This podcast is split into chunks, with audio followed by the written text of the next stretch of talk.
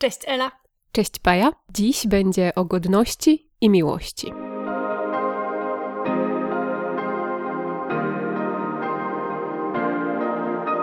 Cześć w kolejnym odcinku naszego podcastu.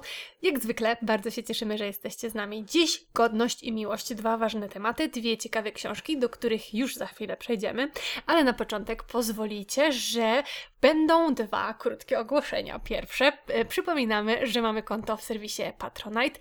Jeśli rozważacie wspieranie nas właśnie w ten sposób, bardzo serdecznie zapraszamy Was do zapoznania się ze szczegółami. Link do naszego profilu w serwisie Patronite znajdziecie w opisie odcinka. Korzystając z okazji, bardzo serdecznie pozdrawiamy nasze matronki i naszych patronów.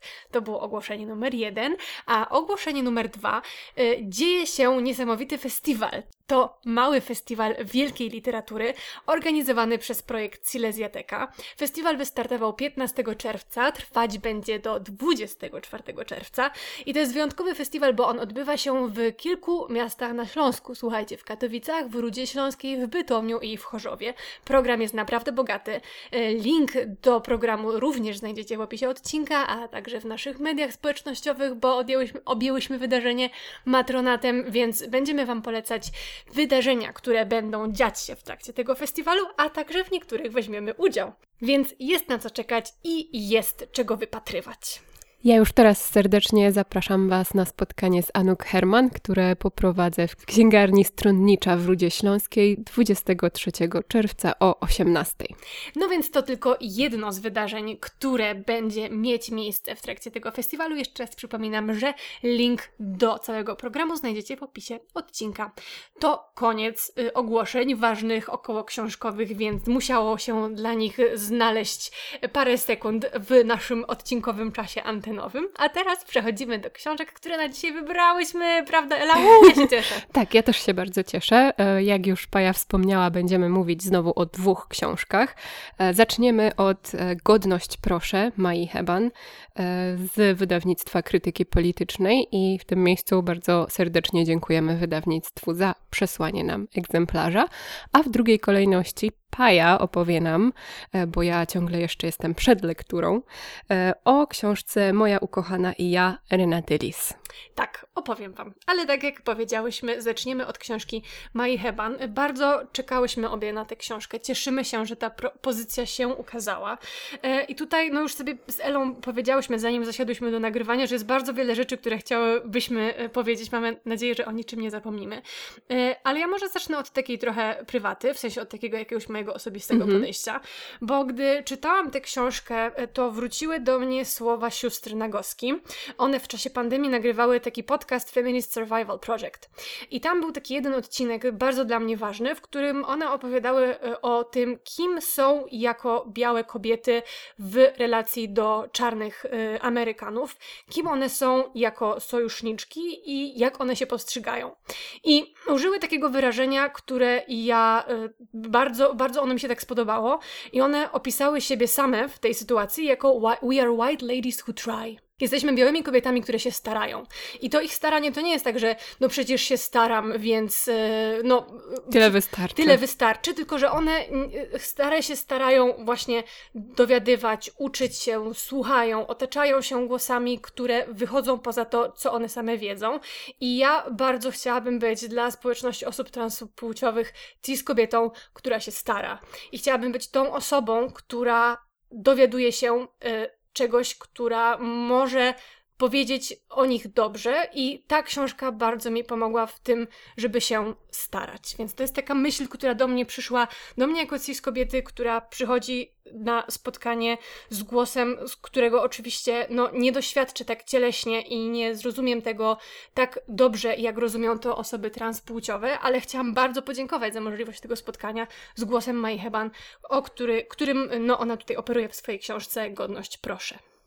To ja na początek powiem, że tak jak wspomniałaś, bardzo czekałam też na tę książkę. Miałam bardzo wysokie oczekiwania i te oczekiwania naprawdę zostały spełnione właśnie pod tym względem, ile e, ta książka może nam dać. E, wydaje mi się, że pod wieloma względami e, chyba, chyba uda nam się poruszyć przynajmniej kilka, ale myślę, że tutaj mamy nie tylko taki, taką płaszczyznę czysto informacyjną, ale też dużo takich społecznych komentarzy, e, dużo takich bardzo emocjonalnych fragmentów, bardzo osobistych e, z historii Mai Heban, którymi ona decyduje się z nami podzielić, więc na bardzo wielu płaszczyznach ta książka do mnie przemówiła. E, myślę, że zaraz spróbujemy to jakoś rozwinąć, ale chciałam chyba zacząć od tego, że naprawdę ogromnie ją polecam i że to jest książka, która ma duże szanse znaleźć się w moich top książkach tego roku. Myślę, że u mnie będzie bardzo podobnie, zwłaszcza, że tutaj dzieje się bardzo wiele rzeczy, dobrych rzeczy jednocześnie. Tak jak powiedziałaś, mamy tą osobistą historię, którą Maja Heban się z nami dzieli, za co chciałam jej bardzo podziękować, ale mamy też tą y, syntezę taką społeczną, która jest tym bardziej dla mnie cenna, że jest naprawdę wieloaspektowa i jest naprawdę świetnie syntezowana. I to jest coś, co jest taką umiejętnością, na którą ja zwracam uwagę, a tutaj widzę naprawdę ogromne obeznanie w różnego rodzaju mechanizmach, jakie funkcjonują i to jest spojrzenie na e, osoby transpłciowe w bardzo szerokim kontekście. To jest umiejętność, którą Maja Heban posiada w kontekście e, analizowania tekstów, które się pojawiają na temat osób transpłciowych. To jest umiejętność osadzenia sytuacji w danym kontekście politycznym. To jest pokazanie osób transpłciowych w kontekście całej społeczności y, osób queerowych, całego środowiska y, LGBTQA+. Więc no jakby ta szerokość, to spektrum spojrzeń, które Maja Heban nam tutaj proponuje, jest naprawdę przeszerokie, ale też bardzo dobrze zarysowane. Y, na końcu znajduje się słowniczek, więc wszystko jest tak też uporządkowane dla wszystkich tych osób, które mogą wejść do tematu transpłciowości z bardzo wielu różnych poziomów. Czy to już jako zaangażowane osoby, czy to same osoby transpłciowe, czy osoby ze społeczności queerowej, czy jeszcze skąd inąd, ten punkt wyjścia jest tutaj bardzo równy. A tak przynajmniej mi się wydawało, że to jest taka książka, która pozwala y, wielu różnym osobom przychodzącym z wielu różnych stron e, wejść w ten świat i chociaż trochę go poznać. Na tyle, na ile same się otworzą też na to, żeby ten świat zrozumieć, żeby chcieć zrozumieć to, przez co przechodzą osoby transpłciowe. Tak, bo myślę, że można albo tutaj y, całą tę wiedzę wchłonąć, albo swoją wiedzę czy jakieś postrzeganie pogłębić, jeśli właśnie, tak jak mówisz, wchodzi się już z, z innego poziomu znajomości tematu, więc tak y, też się zgadzam, że ta książka E, myślę mogłaby być ciekawa dla bardzo wielu różnych osób. Żeby tak trochę bardziej konkretnie zarysować, jakimi tematami zajmuje się Maja Heban, to chciałam wspomnieć o kilku takich punktach, które dla mnie były bardzo ciekawe i bardzo ważne. Na przykład piszę tutaj o tym, jakie oczekiwania nakłada się na osoby transpłciowe i to często jest to nakładane przez środowiska, e, nazwijmy to postępowe i użyjmy tego brzydkiego słowa tolerancyjne. O, brzydkie słowo. Brzydkie słowo, przepraszam za to, e, ale takie środowiska, które mogłyby się w ten sposób opisać. E, I właśnie Maja Heban opisuje w bardzo przejmujący sposób, jak ta akceptacja dla osób transpłciowych przekłada się w niektórych kręgach właśnie na bardzo konkretne oczekiwania, czyli my was akceptujemy, ale musicie się dostosować do pewnych norm, a jeśli nie, to ta akceptacja będzie miała swoje granice. Więc to był taki temat, który e, dla mnie tutaj był e, bardzo przejmujący i który był czymś, co ja zgłębiłam właśnie wchodząc e, w tę książkę. Druga taka rzecz e, to jest język i ważność e, języka w świecie, i czy to w mediach, czy w społeczeństwie. I Maja Heban też w bardzo ciekawy sposób przygląda się temu, że język, taki empatyczny język, wrażliwy, jest tak naprawdę kompetencją, kompetencją, której trzeba się nauczyć e, i która e, no, nie jest czymś, co e, zyskuje się automatycznie. Tak samo myślę, że to jest kompetencja językowa i też taka kompetencja empatyczna. Można by te dwie rzeczy połączyć, więc to nie jest tak, że decydujemy, że teraz będziemy lewakiem albo feministką i nagle zyskujemy tę magiczną kompetencję i już wszystko, co powiemy, będzie w porządku. To właśnie jest trochę związane, bardzo związane z tym, o czym mówiłaś, o tym staraniu się, e, że nie zyskujemy tego właśnie z automatu i musimy cały czas wykazywać starania, żeby się rozwijać, także w tej e, empatii i w tym sposobie, jak tę empatię wyrazić, jakim językiem o niej opowiedzieć. Ja z kolei chciałabym bardzo podziękować Mai Heban za opisanie schematów, jakie stoją za transfobią i tego, w jaki sposób transfobia, czy to w tym języku, tak jak już nam trochę zarysowałaś, jak te, że ten język jest kompetencją i jak ta transfobia funkcjonuje w mhm. języku, w słownictwie, którego używamy, to jest taka ta jedna płaszczyzna, ale też e, transfobia właśnie w podejściu do osób transpłciowych, w tego, jak się o nich pisze, kto o nich pisze. E, to jest taki cenny zasób, jakieś takie narzędzia, które dała mi i chciałabym, żeby inne osoby czytające też wyniosły tego rodzaju kompetencje z tej książki. Jak właśnie, jak dostrzegać transfobię? Jak e, jakby...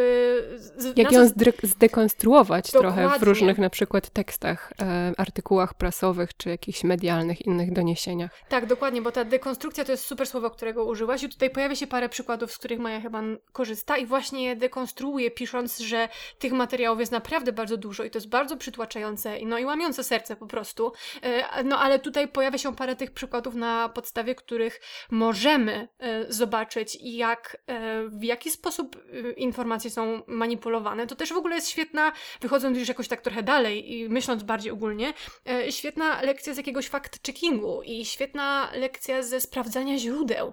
I to jest ogólnie kompetencja, których nam brakuje, już nie tylko w kontekście tego, co się pisze o osobach transpłciowych, gdzie pojawiają się jakieś no, fundamentalne przekłamania na ich temat i, i, i jak sobie sobie z tym nie radzimy na takim podstawowym poziomie, sprawdźmy to. Sprawdzę skąd jest ta informacja, kto to napisał, czy ma w tym jakiś interes, czy tutaj nie nastąpiło jakieś totalne kompletne, dziwne uproszczenie e, czegoś, co jest bardzo skomplikowane. Więc tutaj pojawiają się po prostu też takie zwrócenie uwagi na to, jak my w ogóle czytamy źródła i jak e, w ogóle patrzymy, czy e, źródło, z którego korzystamy, jaką ma ono warto, jaką to źródło ma wartość, jaką, e, co, co może nam dać poznawczo, gdzie mogło się pojawić jakieś przekłamanie. Na to oczywiście potrzeba czasu i na to oczywiście, znowu, to jest kolejna kompetencja, o której Maja Heban tutaj pisze, że to, no, trzeba sobie to jakoś wypracować i trzeba poświęcić trochę czasu na to, żeby dokonać tej dekonstrukcji, więc to tak myśląc właśnie w szerszym e, ujęciu właśnie o tym, e, co my czytamy, jak łatwo dajemy się porwać jakiemuś clickbaitowi, a te clickbaity w przypadku osób transpłciowych to naprawdę, no po prostu idą tak, że to jest po prostu chwytliwa historia, jakiś skandal, e, coś, coś wydarzyło się, coś niesamowicie złego, a okazuje się, że tak naprawdę nie, więc tych e, przekłamań bardzo łatwo tutaj dookoła osób transpłciowych stworzyć sensację, o czym Maja Heban również pisze. I jak to się potem przekłada na stereotypy, które e, jakby rządzą tym, jak osoby cispłciowe zarządzają swoim spojrzeniem na społeczność osób transpłciowych, więc to jest po prostu wielowarstwowa rzecz, chociaż ta książka nie jest bardzo gruba. I, i tutaj znowu pojawia się to, o czym mówiłam na samym początku, ta zdolność tego, tej syntezowania tego wszystkiego, więc no świetna, świetna praca po prostu. Tak, myślę, że świetnie to podsumowałaś. Ja zerkam na czas, ile już rozmawiamy, bo jeszcze są co najmniej dwa tematy, no które ja, ja bym chciała poruszyć, e, więc jeden może tak krótko, e, bo to też był taki fragment tego tekstu, który myślę e, jest bardzo ważny. Mianowicie w tym momencie, gdy Maja Heban pisze o tranzycji i o takim nie wiem jak to ująć, może takim oczekiwaniu, czy takim trochę micie, że tranzycja rozwiąże wszystkie problemy, e, które często mają bardzo wiele źródeł, bo e, w życiu osób transpłciowych, tak jak w życiu każdej osoby, jest bardzo wiele czynników, które wpływają na samopoczucie, na zdrowie psychiczne, na to, jak to życie w ogóle się toczy i przebiega. Na jakość tego życia. Na jakość życia, tak.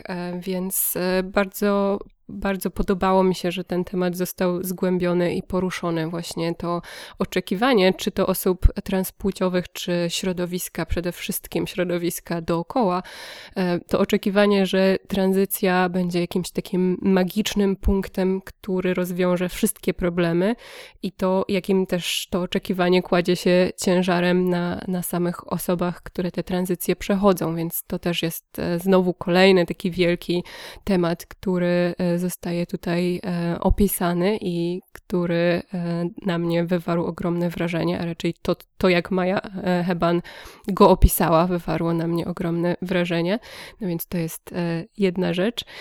I jeszcze ostatnia rzecz z tych, które, o których ja bym chciała wspomnieć, bo nie wiem, czy ty jeszcze masz jakieś w zanadrzu. To zależy od tego, co ty powiesz teraz, teraz na koniec, więc dam ci znać, jak się już wypowiesz. Dobra, e, więc ja jeszcze chciałam wspomnieć o samej końcówce, o, o tym e, osobistym bardzo fragmencie tej książki, e, o takiej, takim wyznaniu trochę aktywistki. Ja mam wrażenie, że ostatnio wszędzie wokół siebie słyszę podobne wyznania, czy to w, gdzieś w mediach, czy w, po prostu w moim życiu prywatnym, gdzie tak zwane silne kobiety, znowu to ta, taki, taka trochę postać mityczna, mityczna, silna kobieta, e, gdzie one mówią o tym, jak trudno jest im na przykład angażować się w aktywizm, albo jak e, ogromnego wysiłku to od nich o, o, wymaga, albo e, jakie negatywne skutki to e,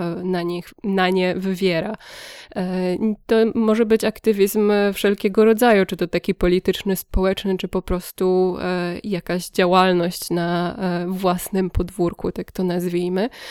I myślę sobie, że to jest dla mnie bardzo cenne i bardzo ważne, żeby mm, trochę znowu użyję tego słowa, trochę dekonstruować tę mityczną postać silnej kobiety, która działa e, w ogóle bez trudu, e, która e, niesie to wszystko niesie to wszystko, barkach, tak, tak, niesie to wszystko bez Jak problemu. na te szóste piętro, wiadomo. No właśnie. Więc dla mnie to jest bardzo ważne, takie z jednej strony bardzo uwalniające dla tych kobiet, które są tymi w oczach społeczeństwa, czy, czy w oczach swoich obserwatorów, czy, czy społeczności, są właśnie tymi mitycznymi bohaterkami, więc to, że one mogą powiedzieć, że e, tak, to wszystko robię, e, to wszystko jest e, wartościowe i cenne, ale ile to ode mnie wymaga, albo e, jak bardzo to się na mnie odbija, to jest inna historia. Więc z jednej strony to, że, że trochę dekonstruujemy tę postać i pozwalamy tym kobietom być też zwykłymi ludźmi, a z drugiej strony myślę, że to jest też taka dobra wiadomość, dobry sygnał w stronę wszystkich innych osób, że to nie jest tak, że trzeba być być e, jakąś super bohaterką, żeby robić różne rzeczy, e, tylko że e, każda z nas też może się tego podjąć i wiemy, jak, jakie ryzyko wtedy się z tym wiąże, wiemy, ile wysiłku to wymaga i może to być przerażające, może to być zniechęcające, ale jest to możliwe. No, ja myślę, że to jest bardzo dobra puenta, dlatego z tego względu myślę, że już nic nie dodam, to jest raz. E, a dwa, chciałabym po prostu bardzo serdecznie zachęcić wszystkie mm, osoby nas słuchające do sięgnięcia po tę książkę. Obie e, zachęcamy, prawda? Bardzo. Więc e, bardzo, bardzo dziękujemy Mai Heban za jej historię, za to, że się nią z nami podzieliła, za jej niezwykłe umiejętności syntezowania, dekonstrukcji i przedstawienia problemu. Świetna książka. Y, dziękujemy również krytyce politycznej za przysłanie nam egzemplarza. Czy chcesz coś jeszcze dodać w kontekście tej naszej pierwszej lektury, Elo? Nie, myślę, że możemy przejść do Twojej drugiej, bo jestem bardzo ciekawa, co nam opowiesz. E, z tą książką to jest ta, trochę tak, przypomnijmy, Renata Lis, moja ukochana i ja, że ja chciałabym, żeby to była taka moja intymna książka, taka, którą tylko ja wiem, że ona taka jest i że to jest takie moje małe, tajemne coś. E, ale z drugiej strony strasznie, strasznie, strasznie bym chciała, żeby przeczytały ją wszystkie osoby. I znowu tutaj to wyrażenie, e, to jest taka książka, którą muszą przeczytać wszyscy, to wiem, że ono tak trochę trąci myszką, jest takie trochę, no i co za tym stoi, e, ale ja mówię to z bardzo konkretnego powodu, ponieważ na stronie wydawnictwa ta książka reklamowana jest w taki sposób. Książka, po którą powinna sięgnąć każda lesbijka w Polsce. I ja się absolutnie nie zgadzam z tym bardzo zamykającym e, poleceniem, e, bo to jest takie polecenie zamykające książkę i zamykające osobę autorską, która w ogóle się w niczym nie zamyka. Ona y, niczego nie zamyka definitywnie, nie zamyka się w jakiejś jednej tematyce, nie pisze tylko o swoim życiu osobistym, bo idzie dalej, nie zamyka się w sztywnych definicjach, w tych jakichś takich etykietkach lesbijka, osoba queerowa, idzie dalej, więc tutaj zamykania żadnego w tej książce nie ma. Jest za to wielkie otwarcie, zarówno takie, takie osobiste, y, jakieś takie y, od serca, opis własnej duszy, opis własnej intymności, opis własnych doświadczeń i to wielkie otwarcie na to, co na tą, y, tą na, na to ja wpływa. Więc to jest po prostu no, przepiękna książka. Przepiękna książka. Tak zamilkłam, bo chciałabym, żebyś coś powiedziała, bo, ja, bo, bo, w przypadku tej książki mogę się, wiesz, tak po prostu strasznie rozgadać. Czy jest tutaj już jakieś pytanie, które masz, e, czy, czy mogę mówić dalej? No ja mam mnóstwo pytań, ale myślę, że powinnaś, nie wiem czy powinnaś, ale ja bym chciała, e, żebyś nam trochę opowiedziała w takim razie, bo powiedziałaś, że ta książka jest taka otwarta na wszystko i że wszystko tam jest, ale co konkretnie? No, wiem, przepraszam, ta otwartość, ja bym chciała, żebyś ją mimo wszystko zamknęła w jakimś opisie czy w jakichś słowach, więc trochę tak działam sprzecznie z, z tym, co nam tutaj zarysowałaś, no ale, no ale co tam się dzieje? E, no zaczynamy przede wszystkim od e, dzieciństwa Renaty Lis i mamy ten opis e, PRL-u lat no, o 70., 80., to jej dorastanie i to, jak ten PRL wyglądał, jak on wpływał na to jaka ona była. To, jakie środowisko, z jakiej rodziny pochodzi, również wpływało to na to, jak, kim się stała, e, jak doświadczała życia, e, co było dla niej możliwe, z kim się porównywała, więc mamy tutaj bardzo tą taką ciekawą, e, to takie bardzo ciekawe wejście w ogóle w ten świat Renatylis od strony takiej trochę klasowej i społecznej. To był bardzo ciekawy komentarz, taki jednocześnie znów świetne połączenie prywatnego z politycznym, mm -hmm. nazwijmy to tak bardzo ogólnie, ale to rozpoczęcie właśnie od dzieciństwa i od tego, że no znowu, że ona nie tylko jest y, osobą queerową, ale także jest osobą o konkretnym jakimś y, pochodzeniu ekonomicznym, o konkretnym doświadczeniu osadzonym w konkretnym punkcie historii, więc tego, tych jakichś etykietek, których można by spróbować, jak już mamy się jakoś zamykać, jest bardzo wiele, których ona używa do tego, żeby się jakoś opisać i przedstawić i skontekstualizować. Więc zaczynamy właśnie od tego, od tego dzieciństwa, od tego dorastania, od tej młodości. Yy, I później jest bardzo ciekawy Przechodzimy do lat 90. do transformacji, i to znowu jest y, takie bardzo niezamykające, bo tutaj raz jest oczywiście doświadczenie y, miłości queerowej i tego, jak to jest funkcjonować jako osoba queerowa w Polsce lat 90., ten początkujący kapitalizm, transformacja, pojawiające się nowe idee, możliwość w ogóle wyjścia z takimi tematami gdzieś y, dalej, zacząć publikować książki, e, zacząć rozmawiać o tym na jakimś takim szerszym forum, więc to jest nie tylko ta queerowość w tych latach 90., ale też po prostu jak to jest funkcjonować jako, yy, jako e, osoba wchodząca w dorosłość właśnie w tym czasie. Co ten kapitalizm yy, robi i jak on wpływa na osoby, które wtedy zaczynały swoje jakieś życie zawodowe, zaczynały prowadzić biznes, więc znowu tutaj mamy to takie takie doświadczenie, z którym wiele osób, które wtedy właśnie działały, mogłoby się utożsamić z jakimiś trudami, z jakimiś nieudanymi inicjatywami, które się pojawiają, więc znowu bardzo e, takie otwierające, a nie zamykające e, spojrzenie tutaj mamy.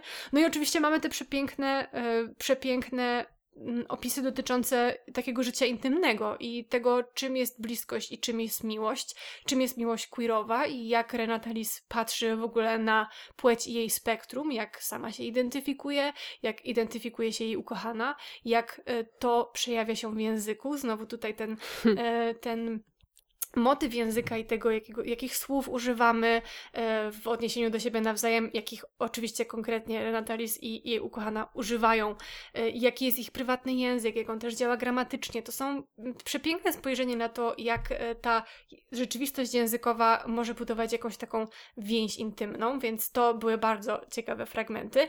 No i pod koniec przechodzimy do trochę do takiego świata literackiego. Pojawia się, pojawiają się różne różnego rodzaju próby dekonstrukcji różnych tekstów, y, wchodzimy w jakąś taką trochę literaturoznawczą analizę, więc znowu y, też w kontekście y, płci, kobiecości, queerowości, miłości między kobietami i tak dalej. Więc tych tematów tutaj jest bardzo dużo, ale one dla mnie wszystkie stanowią jedną piękną, spójną, intymną, wspaniale napisaną całość. No właśnie, to miało być moje kolejne pytanie. W jakim stylu w takim razie jest ta książka, albo jakim językiem jest pisana? Bo ja mam pewne wyobrażenia po tym, co ty opowiadasz, e, o czym ona opowiada, jak to wygląda, więc wyobrażam sobie styl i zastanawiam się, czy on jest właśnie taki. Tak, jest właśnie taki. No, Renata Lis to e, pisarka, literatka, tłumaczka, więc ten język jest przepiękny i bogaty, ale też w żaden sposób nie taki, który, że jakiś taki, nie wiem, wywyższający się, albo taki, który uniemożliwiałby mm, nawiązanie jakiejś takiej intymnej więzi, mm -hmm. to mhm. co się dzieje między osobą czytającą a tekstem. Więc naprawdę pięknie wchodzi się w te e, eseje, w te wspomnienia, w tą analizę literacką, bo, bo różne e, obszary nam się tutaj pojawiają. E, więc no po prostu dla mnie to była też pięknie napisana książka, po prostu ta przyjemność jakiegoś takiego odnajdywania się w jakichś poglądach albo w, może właśnie nie tyle w doświadczeniach, bo dzieli nas y, spora różnica wieku i też doświadczenie znowu e, socjoekonomiczne i, mom, konkretnego momentu w historii, e, ale tych punktów wspólnych było tutaj bardzo dużo. E, raz właśnie w jakiejś takiego ta, ta szerokość, jeśli chodzi o próbę jakiegoś samookreślenia -hmm. się, e, doświadczenie o chorobie w rodzinie, to też był, był, był ważny motyw. Nie wiem, czy mogę tak powiedzieć, bo to oczywiście jest prywatna historia Renaty Lisno, ale taki epizod i takie opisy również w tej książce się pojawiają, więc znowu to był taki dla mnie mocny punkt styczny, więc no po prostu pięknie napisana, pięknie napisana rzecz, która nie zamyka się w jednym temacie i bardzo chce się otworzyć na czytelnika. Jeśli znów wracamy tutaj do tego, co powiedziałeś sobie przy Mai Heban, jeśli jesteśmy osobami, które chcą wejść w jakiś świat i czegoś się dowiedzieć i na coś się otworzyć, a ja tak widzę e, literaturę i w taki sposób wchodzę w nią w kontakt, że wchodzę w kontakt z książką, bo chcę się na coś otworzyć, chcę się czegoś dowiedzieć, więc jeśli tylko tak jest, to yy, Renata Lis otwiera przed nami przeróżne drzwi do wielu różnych historii, do wielu różnych poziomów, do wielu różnych tematów. I jeśli tylko chcemy w nie wejść, to nam się uda.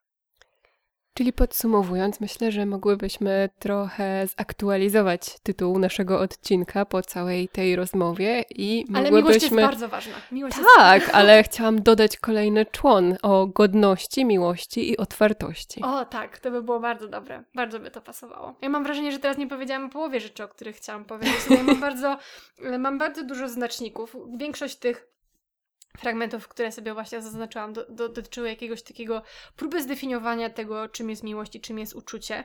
E, I to wydawało mi się takie bardzo piękne, o jakimś takim e, doświadczeniu osób queerowych i, i jak to jest funkcjonować właśnie w związku i jak ten związek funkcjonuje w świecie na zewnątrz i jak to jest z tymi coming outami i czym jest ta mityczna szafa i, i to jest wydaje mi się taki bardzo ważny głos w, e, też w kontekście starszego pokolenia osób queerowych. Mamy teraz przepiękne, wspaniałe książki, które opowiadają o e, queerowości osób młodszych od nas, a tych głosów jakichś takich, nie chcę powiedzieć bardziej doświadczonych, bo nie chcę, żeby to wybrzmiało tak, że y, młode osoby queerowe nie są doświadczone, tylko o jakimś zupełnie innym y, bagażu doświadczeń, o jakimś innym y, bagażu wrażeń, o jakimś innym bagażu historii. Osoby queerowe, które się wypowiadają jakby z, z tego starszego pokolenia, to uważam, że to jest bardzo, bardzo ważne, bardzo piękne i bardzo potrzebne. I to jest jakaś taka pustka, którą Renata Lis trochę mi tak uzupełniła. I bardzo dziękuję za tę książkę. Tak. Ja tak milczę, bo myślę sobie, kiedy będzie tyle czasu, żebym przeczytała wszystkie te książki, które ty polecasz tutaj przed mikro. Na wakacjach. Słuchajcie, Dobrze. zbliżają się nasze wakacje. Wiecie, że to oznacza wakacyjny dziennik e, czytelniczy. Ja już się nie mogę doczekać. Ja też się nie mogę doczekać naszych wakacji, czytania i nagrywania dla Was y, tych odcinków wakacyjnych. No to myślę, że tym optymistycznym akcentem w takim razie możemy zakończyć, bo e, no tak e, jak, jak zwykle, jak prawie zawsze, zróbmy ten, to małe, małe zastrzeżenie, żeby nie było, że zawsze to mówię. Więc jak prawie zawsze przekonałaś mnie bardzo, bardzo do tej lektury i e, tak jak mówię, już czekam tylko na te wolne chwile, żeby na przykład po tę książkę sięgnąć i może faktycznie będą to nasze wakacje, które się zbliżają. No i co? E, polecamy Wam e, nie tylko nasz wakacyjny dziennik, który e, będzie za jakiś czas, ale przede wszystkim dziś polecamy Wam lekturę tych dwóch książek, o których Wam opowiedziałyśmy. Godność proszę Mai Heban i Moja ukochana i ja Renaty Lis. Oczywiście zapraszamy Was na nasze media społecznościowe, na naszą stronę internetową, która została ostatnio przez nas zaktualizowana. Same fajne rzeczy robimy, możecie zobaczyć co konkretnie, jeśli tylko wejdziecie na naszą stronę. Znów link do niej znajdziecie w opisie odcinka. E, zapraszamy Was bardzo do zostawienia komentarzy, bardzo je lubimy i oczywiście pozdrawiamy Was bardzo serdecznie i do usłyszenia w przyszłym tygodniu. Do usłyszenia.